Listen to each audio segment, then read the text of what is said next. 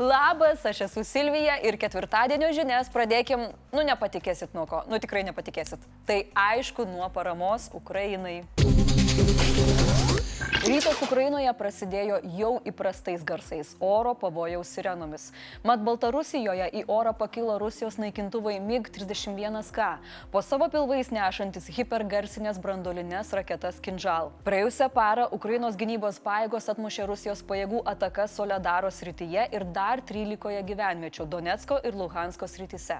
Ginkluotojų pajėgų generalinis štabas sako, kad priešas pradėjo 25 oro antskridžius ir įvykdė daugiau nei 8 85 atakas iš kelių paleidimo raketų sistemų. Po sraigtasparnio katastrofos Brovaruose 16 sužeistųjų tebėra ligoninėje. Prezidentas Zelenskis pranešė, kad tyriamos kelios katastrofos versijos. Be to, Zelenskis pakomentavo ir diplomatinio susitarimo galimybės. Jis sakė, kad nėra aišku, su kuo Rusijoje galima dėrėtis. Sunku pasakyti, ar tas žmogus, kuris pasirodo viešumoje, yra Putinas. Zelenskis net pasvarstė, kad gal Putkos iš vis nebėra gyvųjų tarpe. Būtų gerai. Nu būtų, wow, kaip gerai. Mhm. O dabar įdomybės. Buvęs Wagner samdinys, 26 metų jaunuolis, pabėgęs į Norvegiją, sakosi galys suteikti vertingos informacijos apie žiaurius Rusijos sukarintos grupės metodus Ukrainoje ir žinoma karo nusikaltimus. Su savimi jis turėjo kelias USB laikmenas. Nujaučiu, kad ten bus įdomių dalykėlių. Kijeve lankosi Europos vadovų tarybos pirmininkas Šarlis Mišelis. Hello everyone.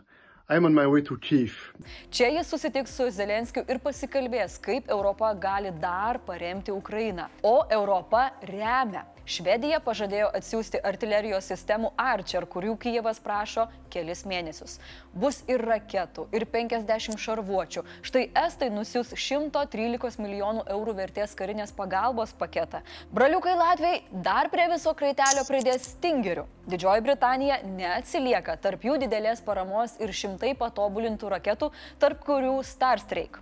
Žodžiu, rusai gali ruošti naują mėsą patrankoms. Dar JAV ketina perkelti į Ukrainą šarvuotas kovinės transporto priemonės Striker ir didelio tikslumo šaudmenis.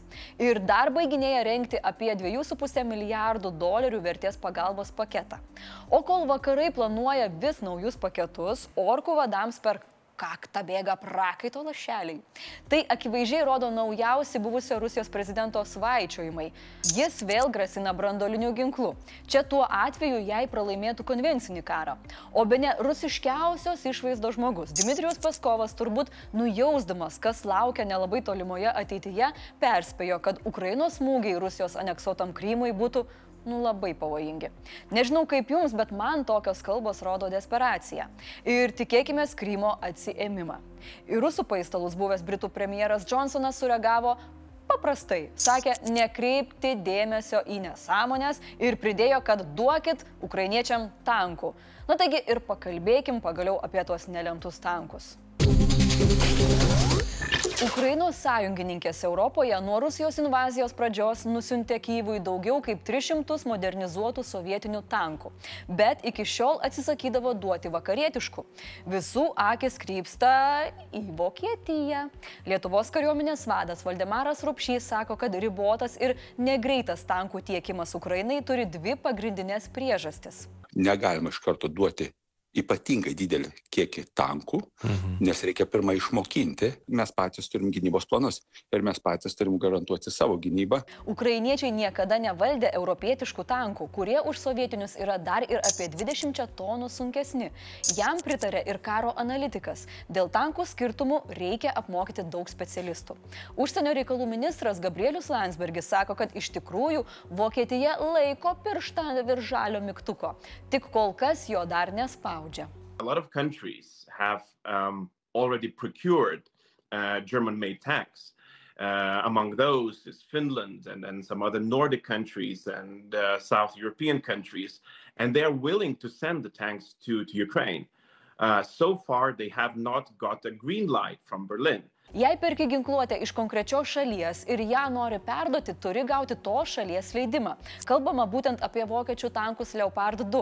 Aišku, Lenkai kitaip šį reikalą įsivaizduoja. Duos tų tankų ukrainiečiam su ar be Vokietijos palaiminimo. Iš visų pusių spaudžiama Vokietija apsimeta, kad čia viskas priklauso ne nuo jos ir permeta atsakomybę JAV. Žinot tą vaikišką žaidimą, parodyk man savo, tada aš tau parodysiu savo? Tai Šolcas žaidžia būtent jį. Sklinda gandai, kad jis duos Ukrainai leopardų tik tuo atveju, jei JAV ukrainiečiams sutiks perduoti savo Abramsų. O JAV sako, e, Hebrytė, palaukit, palaukit, mes dar nepasiruošę. Tokią Šolco sąlygą sukritikavo Davoso ekonomikos forume kalbėjęs Zelenskis, sakydamas, kad tai yra neteisingas lyginimasis. Ypač turint omenyje pasirodžiusias žinutės, kad teroristų valstybė svarsto galimybę Ukrainoje dislokuoti nedidelį skaičių savo naujų tankų T-14 armatą. O kol JAV ir Vokietija dvėjoja, Didžioji Britanija pasiūlė į Ukrainą nusiųsti 14 Challenger 2 tankų, taip padidindama spaudimą Vokietijai. Visgi ekspertai sako, kad ši dovana vargu ar reikšmingai pakeis dinamiką Ukrainos mūšio lauke ir yra labiau gražus gestas. Tačiau Ukrainai labai reikia Leopardų tankų. 13 Europos šalių turi apie 2000 šių kovos mašinų. Todėl reikšmingos dalies perdavimas leistų Ukrainai suformuoti savo tankų parką. Kažkaip netrodo šio klausimu vakarai labai vieningi. Tikrai netrodo. Turėtume mes tų tankų, nu tai tikrai duotume, nu negi mums gaila. Mm. Lietuvos energetikos agentūra paskaičiavo, kad pirmąjį 23 metų mėnesį mažiausiai už šildymą mokės Vilniaus gyventojai, o daugiausiai panevežiečiai. Lyginant su praeitų metų duomenimis, šildymo kainos Lietuvoje išaugo 22 procentais, daugiausiai dėl 40 procentų išaugusių biokūro kainų. Tuo tarpu Vilniuje kūrenama ne dujomis, o mazutu, todėl pavyko išvengti didelių kainų šuolių. O daugiausia mokėti panevežys turės, nes aptarnauja gana didelį didelį regioną, kur ne visos katilinės yra pakankamai efektyvios. Tiesa, šildymo kaina individualiam gyventojui dažnai labiau lemia ir gyvenamojo būsto kokybė. Renovuoto ir nerenovuoto būsto įmoka skiriasi dvi gubai. Didelę įtaką daro ir oro temperatūra. Vos vieno laipsnio skirtumas gali lemti 4 procentų skirtumą sąskaitėlėje. Tiesa, ateities prognozijas daug gero nežada. Nors kol kas reikalingais ištekliais Lietuva yra apsirūpinusi ir žiema nėra rekordiškai visiškai šalta, kainos ateityje dar gali paaukti. Taip gali nutikti, nes Europos planas yra mažinti paklausą ir taip reguliuoti rinką. Tačiau Azijoje, iš kurios europiečiai dabar perka suskystintas dujas, jų kainos kyla. Naujosios Zelandijos premjerė Jacinda Ardern paskelbė atsistatydinanti iki vasario 7 dienos. Parlamento narė ji liks iki spalį vyksiančių rinkimų.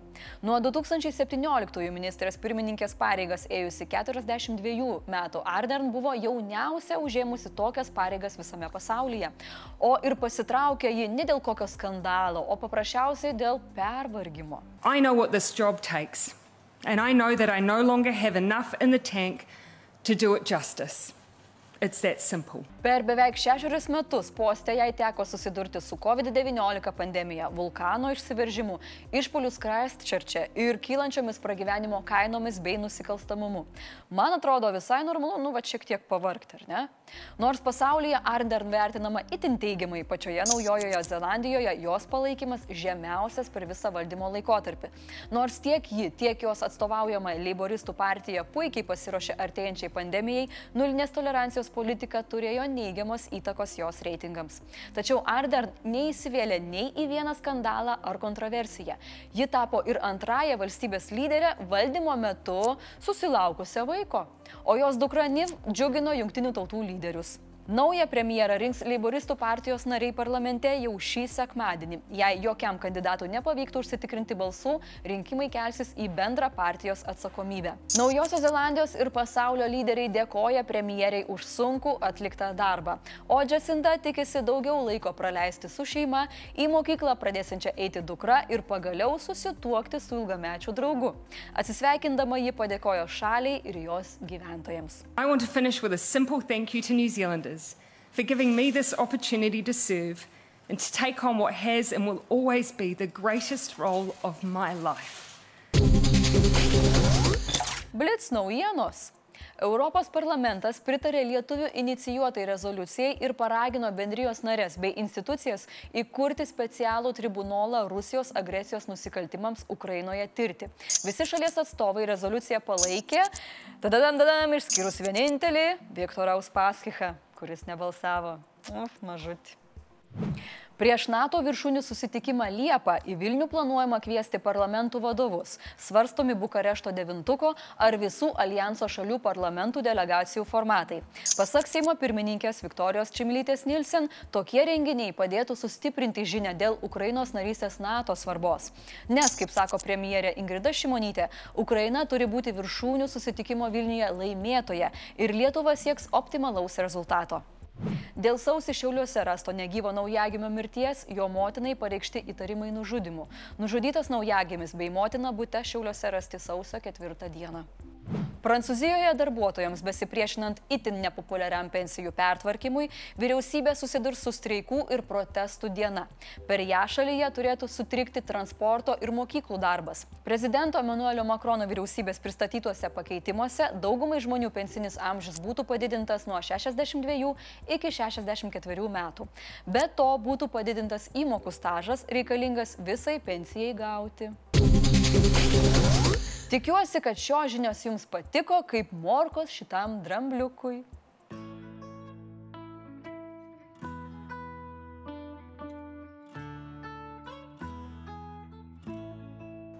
Komentarų laikas. Vakar daugybė komentatorių pastebėjo mano degančius plaukus. Ai, nu palaukit, šitas ne apie plaukus. Noriu pasakyti, kad mano plaukai atitinka prieš gaisrinės saugos reikalavimus, tačiau vis tiek turiu įspėti, kad pavojaus atveju išeimai yra va čia va, čia ir, ir štai čia, o gesintuvai pažymėti specialiais simboliais. Saša Baradovičius pastebėjo, kad iš mano lūpų net blogiausios naujienos skamba gerai.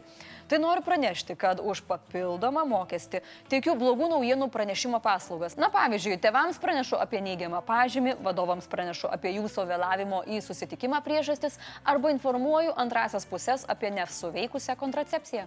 Tai kreipkitės komentaruose, lauksiu. O jums, mėlyjeji, linkiu gražaus artėjančio savaitgalio ir tiek žinių.